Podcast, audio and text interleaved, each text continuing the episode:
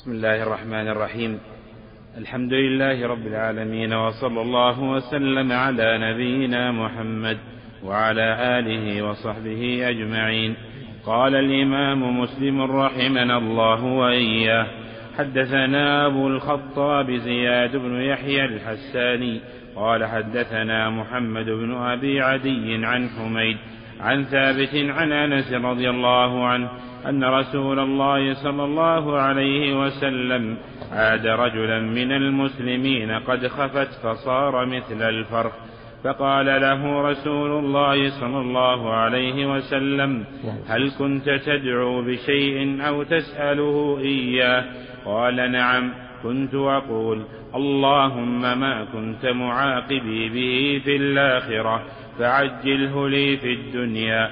فقال رسول الله صلى الله عليه وسلم سبحان الله لا تطيقه أو لا تستطيعه. أفلا قلت اللهم آتنا في الدنيا حسنة وفي الآخرة حسنة وقنا عذاب النار. قال فدعا الله له فشفاه.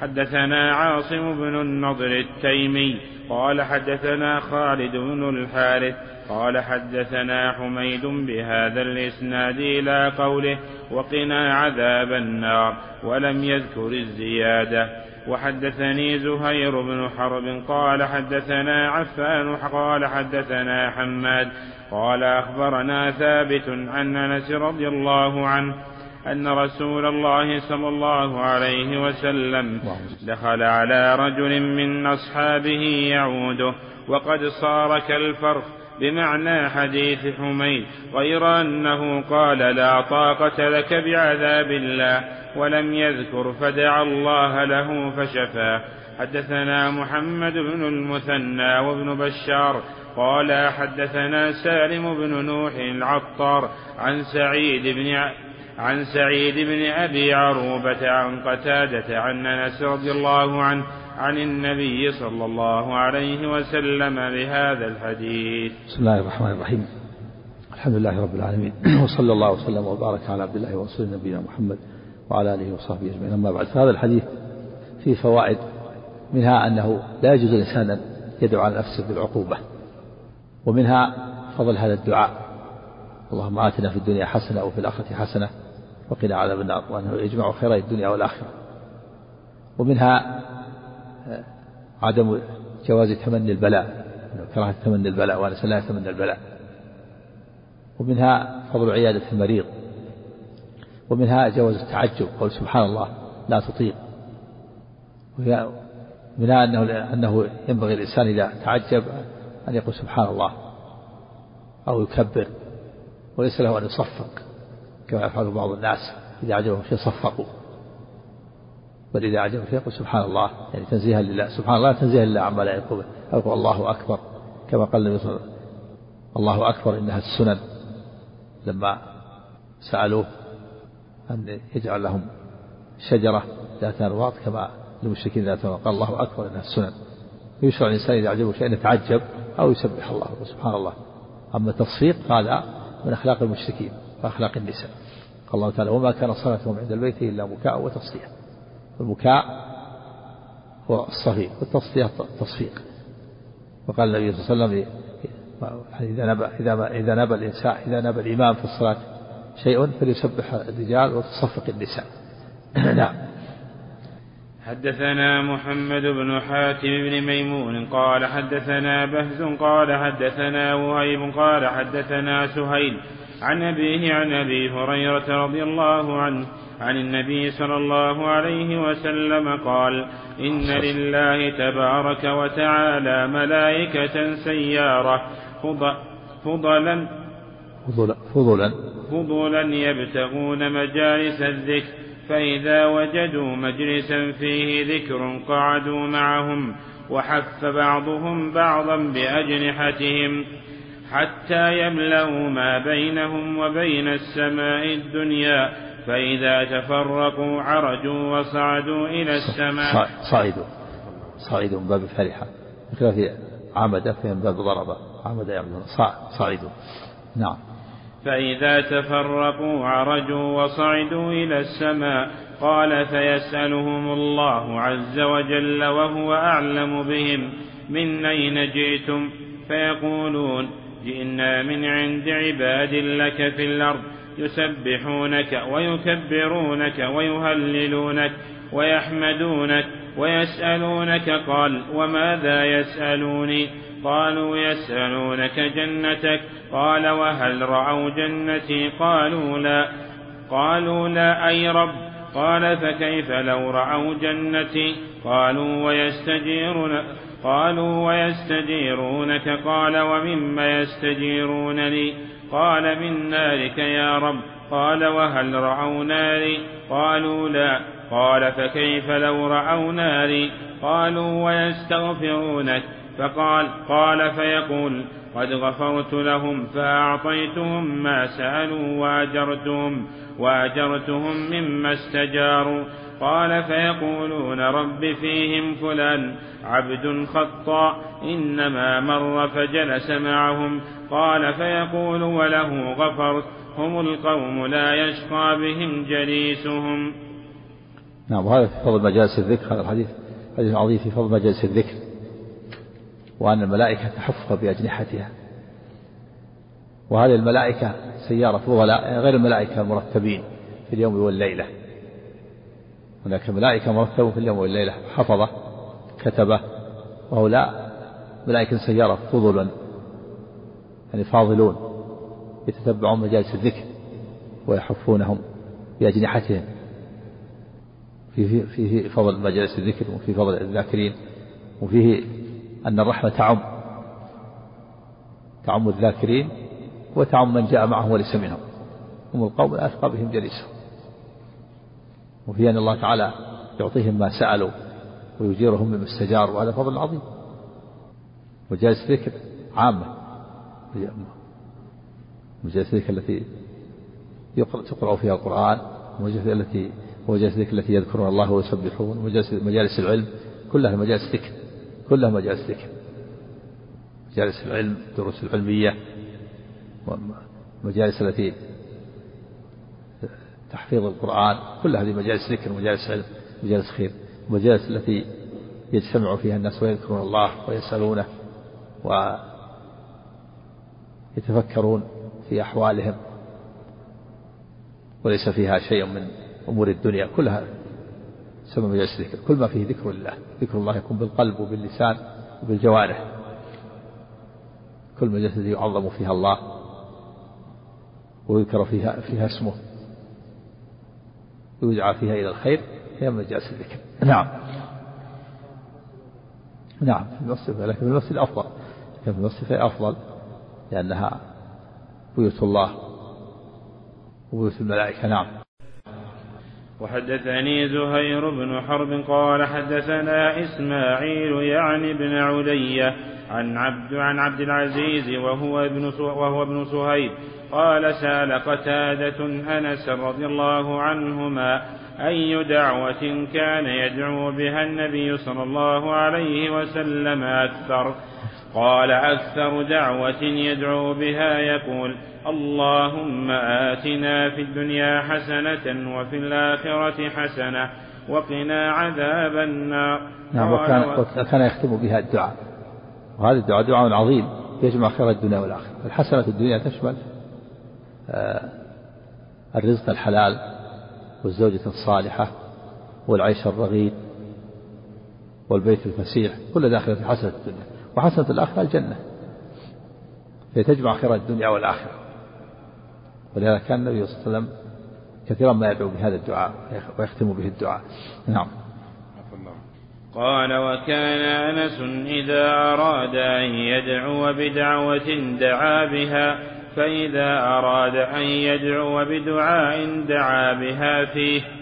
حدثنا عبيد الله بن معاذ. يشرع أيضا الدعاء الذي يطوف ببيت الحرام بين الركن اليماني والحجر الاسود ندعو بهذا الدعاء. ربنا آتنا في الدنيا حسنة وفي الآخرة حسنة وقنا عذاب النار. نعم. وحدثنا عبيد الله بن معاذ قال حدثنا أبي قال حدثنا شعبة عن ثابت عن أنس رضي الله عنه قال كان رسول الله صلى الله عليه وسلم يقول ربنا آتنا في الدنيا حسنة وفي الآخرة حسنة وقنا عذاب النار.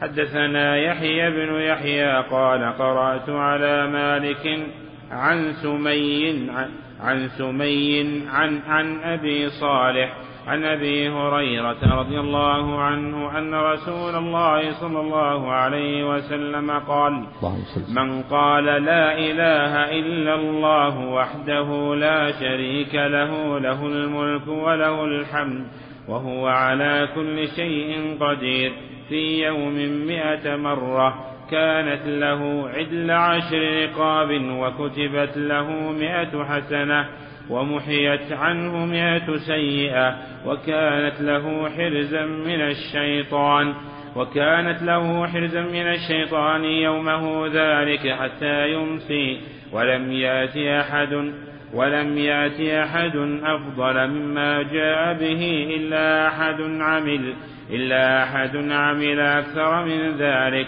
ومن قال سبحان الله وبحمده في يوم مئة مرة حطت خطاياه ولو كانت مثل زبد البحر. الله وهذا في فضل هذا الذكر لا إله إلا الله وحده لا شريك له له الملك وله الحمد وهو على كل شيء قدير. هذه كلمة التوحيد أفضل الذكر أفضل ما يتكلم به الناس. من قالها هذا الذكر في يوم مئة مرة حصل هذه الفوائد الخمس خمس فوائد. كان له عدل عشر رقاب كأنه أعتق أربع عشر رقاب. وكتب والفائدة الثانية كتب له مئة حسنة. والثالثة محيت عنه مئة سيئة. والرابعة كان في يومه في حرز من الشيطان.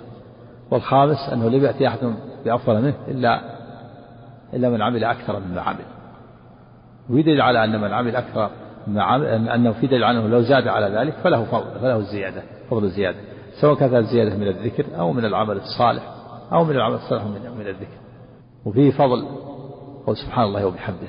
وأنما قال في يوم مئة مرة غفرت ذنوبه ولو كانت مثل زبد البحر ولكن هذا مقيد باجتناب الكبائر في أصح قول العلماء.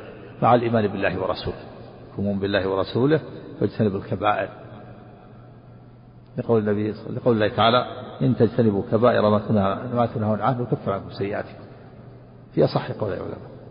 قال عليه الصلاة والسلام الصلوات الخمس والجمعة والجمعة ورمضان إلى رمضان مكفرات لما بينهن واجتنبوا الكبائر.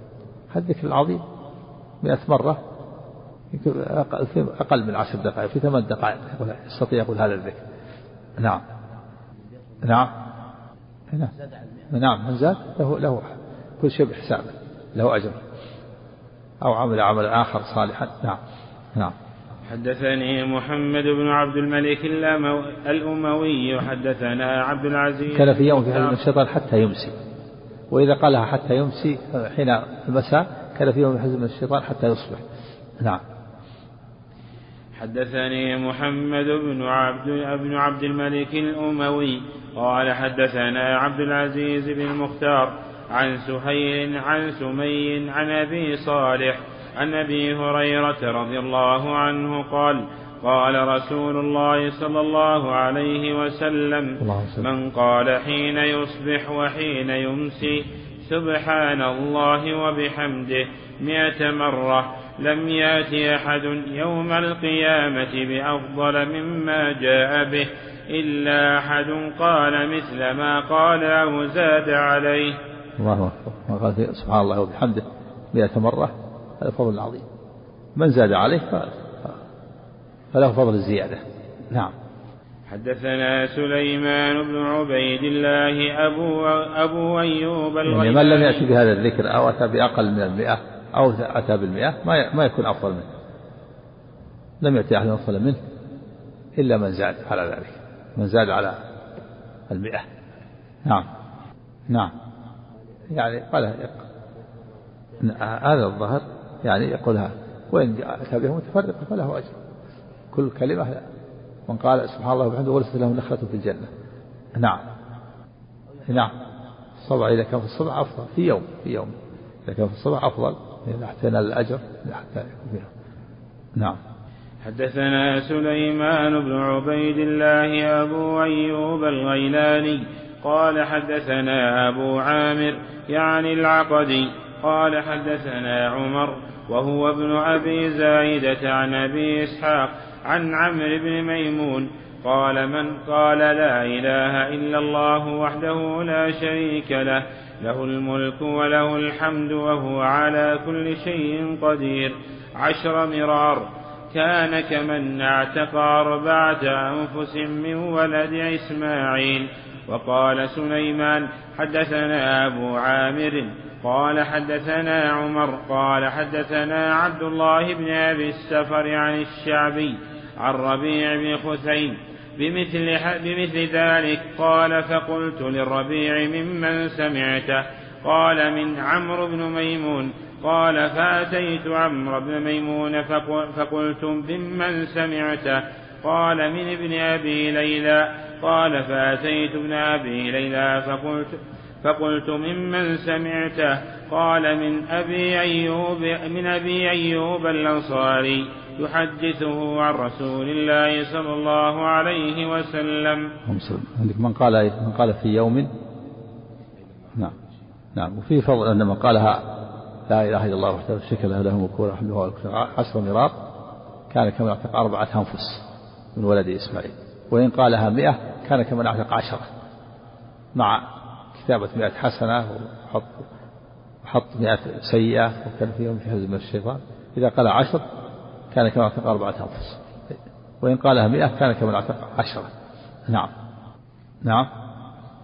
إيه. عشر مرات يعني. كررها عشر مرات. نعم. مرار مرات نعم. نعم؟ كله كله فاضل. كله كله ذكر كلمة التوحيد أفضل الذكر. نعم.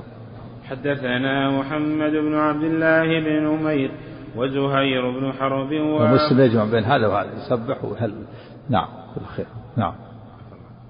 حدثنا محمد بن عبد الله بن نمير وزهير بن حرب وأبو كريب ومحمد بن طريف البجلي قالوا حدثنا ابن فضيل عن عمارة بن عن عمارة عمارة. عن عمارة نعم. عن عمارة بن ابن القعقاع عن أبي زرعة عن أبي هريرة رضي الله عنه قال قال رسول الله صلى الله عليه وسلم كلمتان خفيفتان على اللسان. ثقيلتان في الميزان حبيبتان إلى الرحمن. سبحان الله وبحمده سبحان الله العظيم. الله أكبر. وفي فضل هاتان الكلمتان. سبحان الله وبحمده سبحان الله العظيم. من أوصافهم حبيبتان إلى الرحمن. خفيفتان في الميزان. خفيفتان على اللسان ثقيلتان في الميزان. سبحان الله وبحمده سبحان الله العظيم. يحبهم الله. في إثبات المحبة لله عز وجل. والرد على ما ينكر المحبة من الأشاعرة والمعتزلة والجهمية. حبيبتان إلى الرحمن. خفيفتان على اللسان ما تكلف شيء. سبحان الله وبحمده سبحان الله العظيم. ثقيلتان في الميزان يعني أجرهما ثقيل عند سبحان الله وبحمده سبحان الله وهذا الحديث آخر حديث ختم به البخاري صحيحا. هذا آخر آخر حديث في صحيح البخاري. كلمتان خفيفتان على اللسان حبيبتان إلى الرحمن خفيفتان على اللسان ثقيلتان في الميزان. آخر حديث ختم به البخاري صحيح هو هذا. نعم.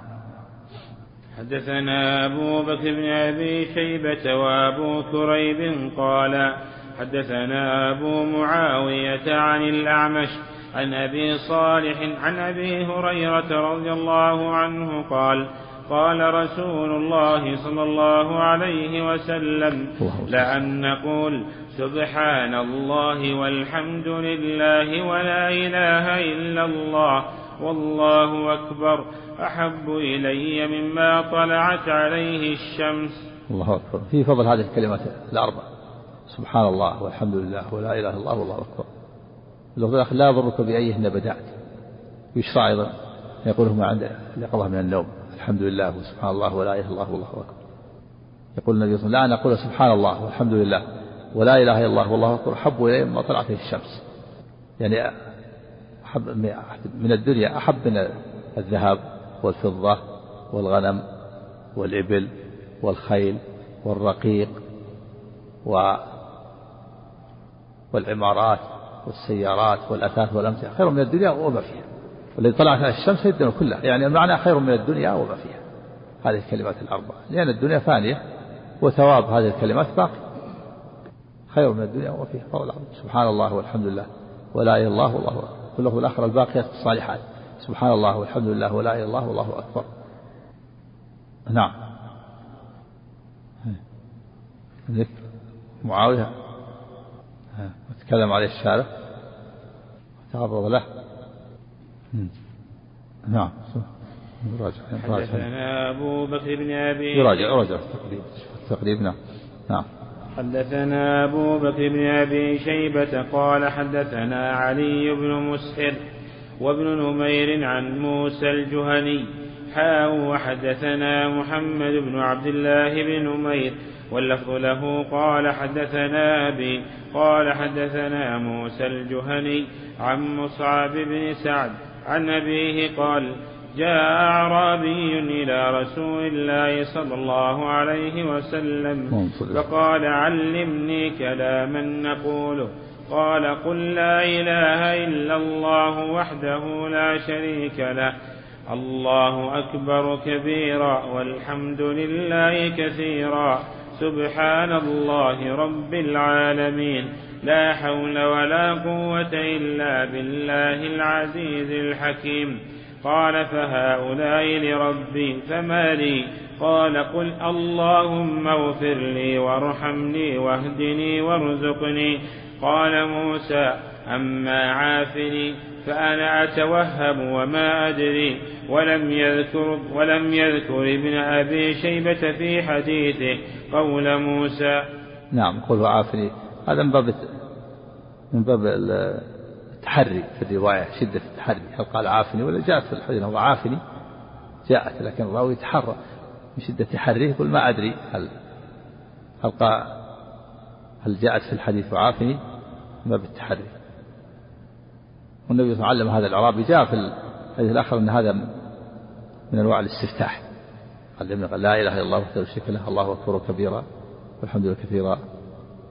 وسبحان الله رب العالمين ولا حول ولا قوة إلا بالله العزيز الحكيم. قال هؤلاء لربي فما لي؟ العرب عندهم جرأة. فقال قل اللهم اغفر لي وارحمني واهدني وارزقني وعافني. كان الصحابة رضوان الله عليهم يتمنون أن يأتي الأعرابي العاقل فيسأل النبي صلى الله عليه وسلم فيجيبه وهم يستمعون حتى يستفيدون. لأنهم رضي الله عنهم لا لا لا يسألونه عن سؤال النبي صلى الله عليه وسلم. ولا يستطيعون يجرؤون أن يسألوه. ولا يحدون النظر إليه ونهوا عن السؤال فكان يعجبهم الأعرابي العاقل إذا جاء فيسأل لأنه ما ما يتوقف ولا وليس حاله كحال الصحابة. نعم. حدثنا أبو كامل الجحدري قال حدثنا عبد الواحد يعني بن زياد قال حدثنا أبو مالك الأشجعي عن أبيه قال كان رسول الله صلى الله عليه وسلم يعلم من أسلم يقول اللهم اغفر لي وارحمني واهدني وارزقني. نعم في فضل هذا الدعاء. اللهم اغفر لي وارحمني واهدني وارزقني. جاء في اللفظ الآخر مشروعية قراءتها بين السجدتين. اللهم اغفر لي وارحمني واهدني وارزقني. شوف الأفضل واجبرني. اللهم اغفر لي وارحمني واهدني وارزقني واجبرني وعافني. نعم. حدثنا سعيد بن أزهر الواسطي قال حدثنا أبو معاوية قال حدثنا أبو مالك الأشجعي عن أبيه قال كان الرجل إذا أسلم علمه النبي علمه النبي صلى الله عليه وسلم الصلاة ثم أمره أن يدعو بهؤلاء الكلمات. اللهم اغفر لي وارحمني واهدني وعافني وارزقني. نعم. فيه مشروعية هذا الدعاء هذه الدعوات العظيمات والإنسان محتاج إلى ربه. نسأل الله المغفرة والهداية والرزق والعافية. نعم. كما جاء في الحديث الآخر أنه أن هذا الذكر يقال بعد بين السجدتين. إذا رفع رأسه من السجدة الأولى رب اغفر لي وارحم لي واهدني وارزقني وعافني. نعم. حدثني زهير بن حرب قال حدثنا يزيد بن هارون قال أخبرنا أبو مالك عن أبيه أنه سمع أنه سمع النبي صلى الله عليه وسلم. وأتاه رجل فقال يا رسول الله كيف أقول حين أسأل ربي عز وجل؟ قال قل اللهم اغفر لي وارحمني وعافني وارزقني ويجمع أصابعه إلا الإبهام فإن هؤلاء تجمع لك دنياك وآخرتك. نعم يعني أربع كلمات اللهم اغفر لي وارحمني وأهدني وعافني أربع كلمات. إلا يجمعها إلا الإبهام. نعم. حدثنا أبو بكر بن أبي شيبة قال حدثنا مروان وعلي بن مسهر عن موسى الجهني حاه وحدثنا محمد بن عبد الله بن نمير واللفظ له قال حدثنا أبي قال حدثنا موسى الجهني عن مصعب بن سعد قال حدثني أبي قال كنا عند رسول الله صلى الله عليه وسلم فقال أيعجز أحدكم أن يكسب كل يوم ألف حسنة؟ فسأله سائل من جلسائه كيف يكسب أحدنا ألف حسنة؟ قال يسبح مئة تسبيحة فيكتب له ألف حسنة أو يحط عنه ألف أو يحط عنه ألف خطيئة. نعم وفي الآخر ويحط عنه. بدون أمر. وذلك أن الحسنة بعشر أمثالها. فإذا سبح مئة حسنة مئة تسبيحة كتب الله له ألف حسنة. حسنة تسبيحة بعشرة. وعشرة في عشرة مئة. مئة في عشرة ألف. فإذا سبح مئة تسبيحة كتب الله له ألف حسنة. هذا من فضل الله تعالى وإحسانه مع الإخلاص والصدق. نعم. الله. حدثنا يحيى بن يحيى التميمي وأبو بكر بن أبي شيبة ومحمد بن العلاء الهمداني واللفظ ليحيى قال يحيى أخبرنا وقال الآخران حدثنا أبو معاوية حدثنا أبو معاوية عن الأعمش عن أبي صالح عن أبي هريرة رضي الله عنه قال قال رسول الله صلى الله عليه وسلم من نفس عن مؤمن كربة من كرب الدنيا نفس الله عنه كربة من كرب يوم القيامة ومن يسر على معسر يسر الله عليه في الدنيا والآخرة. ومن ستر مسلما ستره الله في الدنيا والآخرة والله في عون العبد ما كان العبد في عون أخيه ومن سلك طريقا يلتمس فيه علما سهل الله له به طريقا إلى الجنة وما اجتمع قوم في بيت من بيوت الله يتلون كتاب الله ويتدارسونه بينهم إلا نزلت عليهم السكينة وغشيتهم الرحمة وحفتهم الملائكة وذكرهم الله في من عنده ومن بطى به عمله لم لم يسرع به نسبه.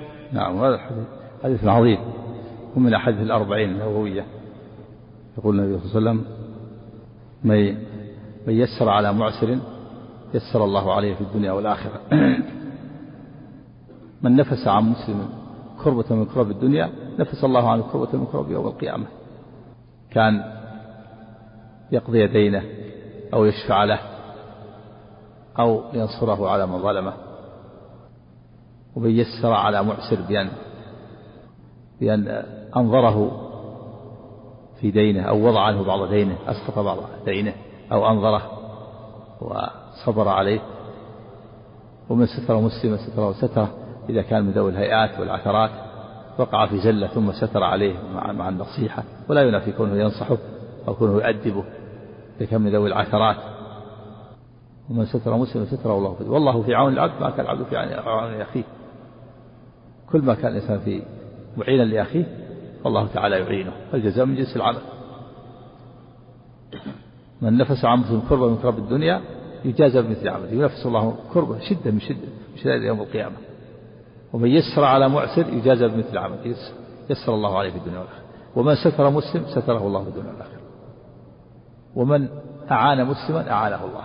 الله في عون العبد كان في عون أخيه ومن سلك طريقا يلتمس فيه علما سهل الله له به طريقا إلى الجنة.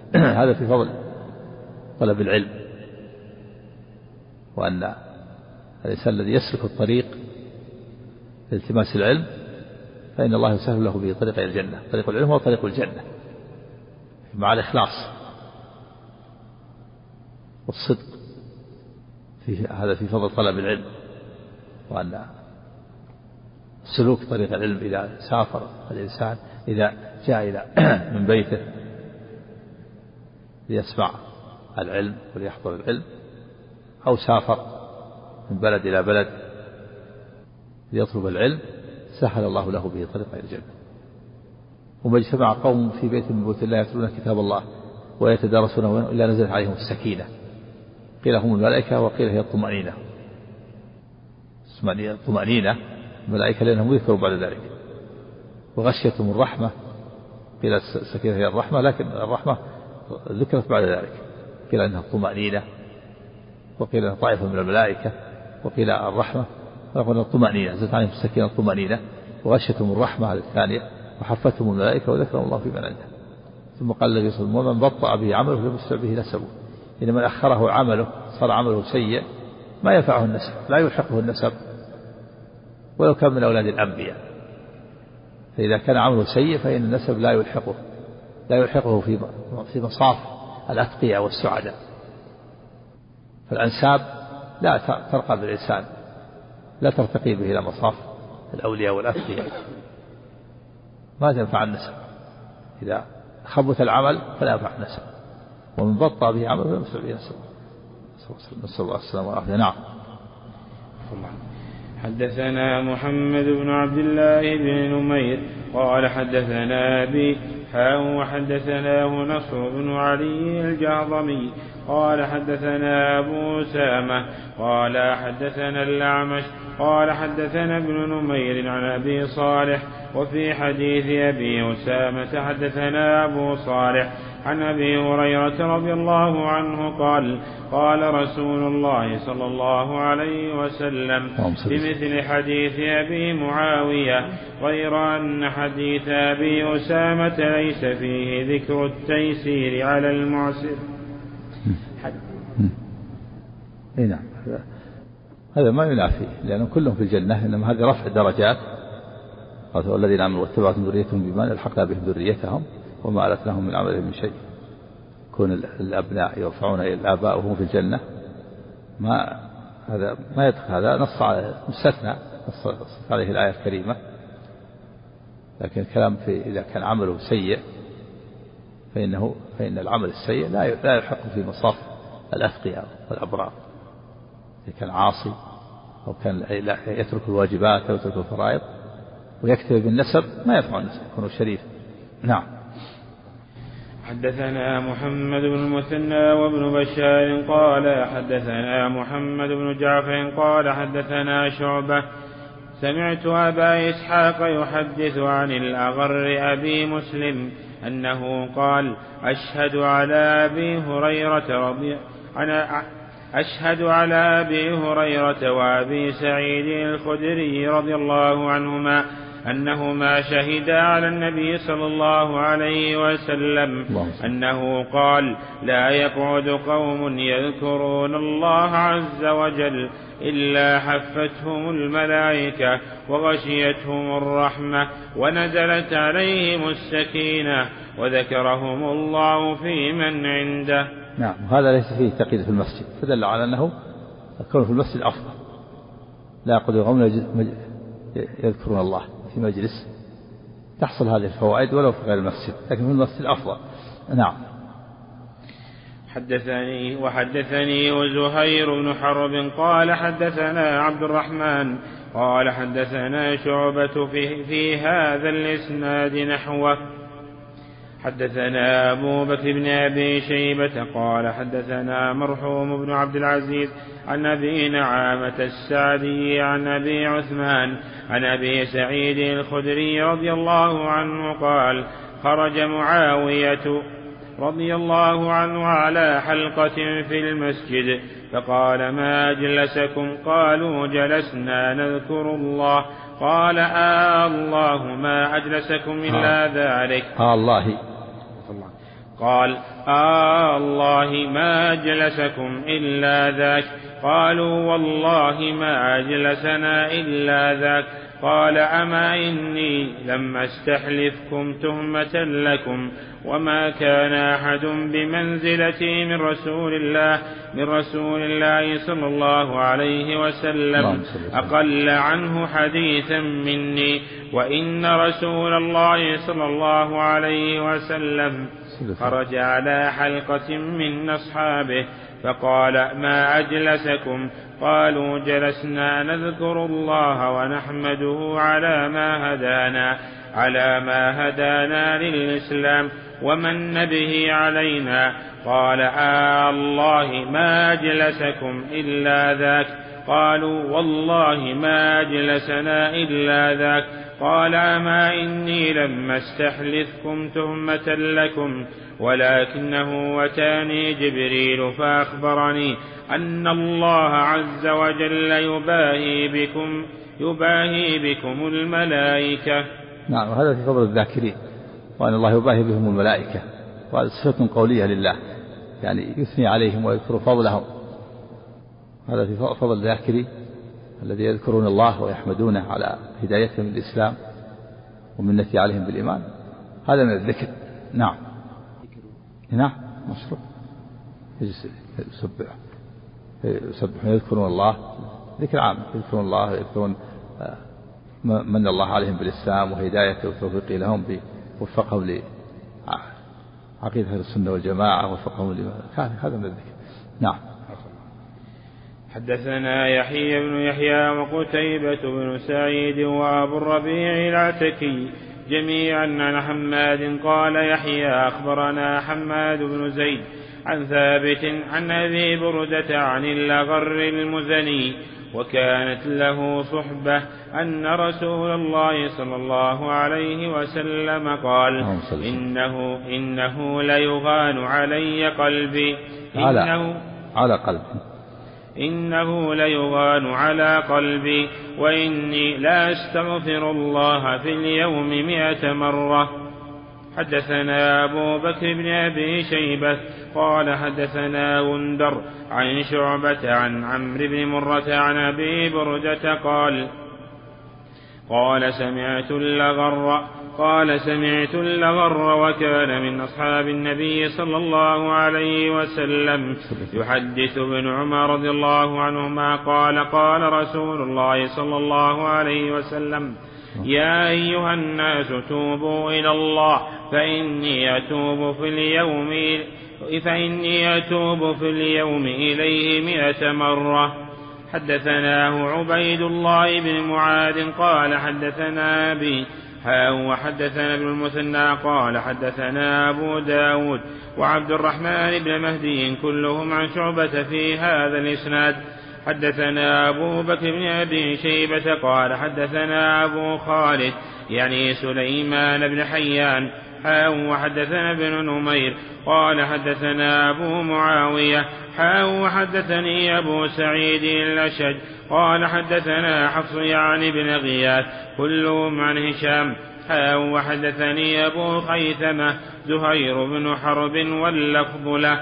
حدثنا إسماعيل بن إبراهيم عن هشام بن حسان عن محمد بن سيرين عن أبي هريرة رضي الله عنه قال قال رسول الله صلى الله عليه وسلم من تاب قبل أن تطلع الشمس من مغربها تاب الله تعالى عليه.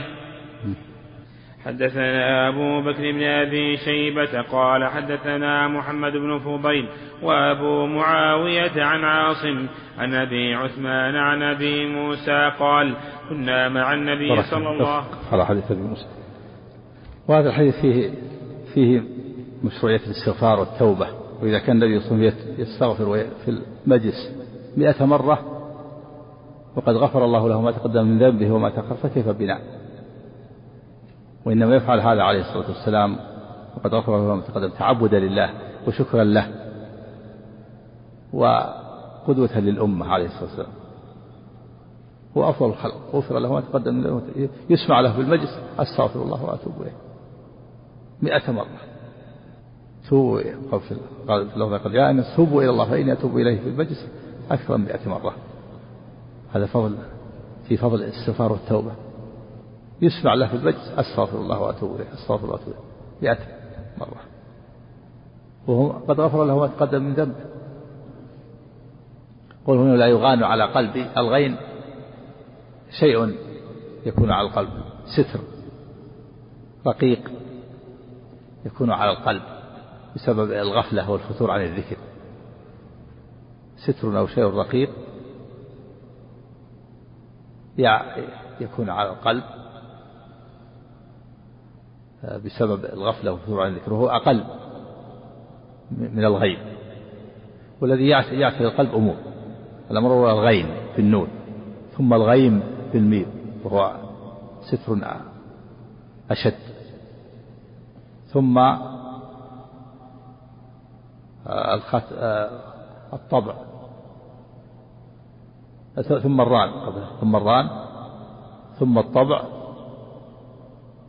ثم الختم ثم المرض ثم الانتكاس ثم الموت نعوذ بالله. هي كلها تعتري القلب. غين ستر رقيق خفيف.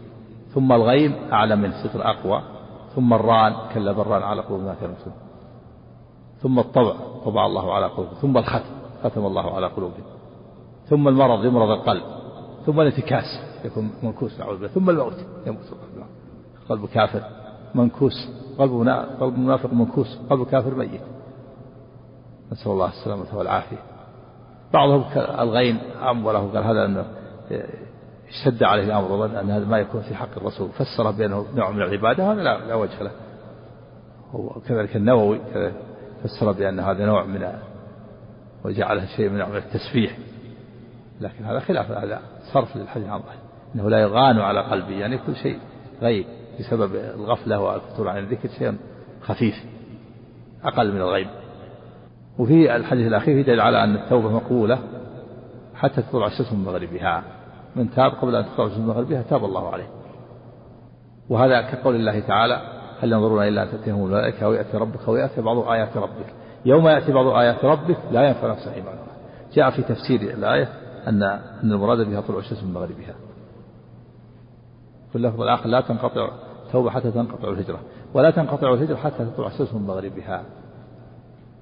وهذا عام لكل أحد. وهناك أيضا سبب خاص لكل لكل واحد وهو أن تكون التوبة قبل الغرغرة قبل أن تطلع تبلغ الروح إلى الحقوق. هذا خاص بكل بكل إنسان.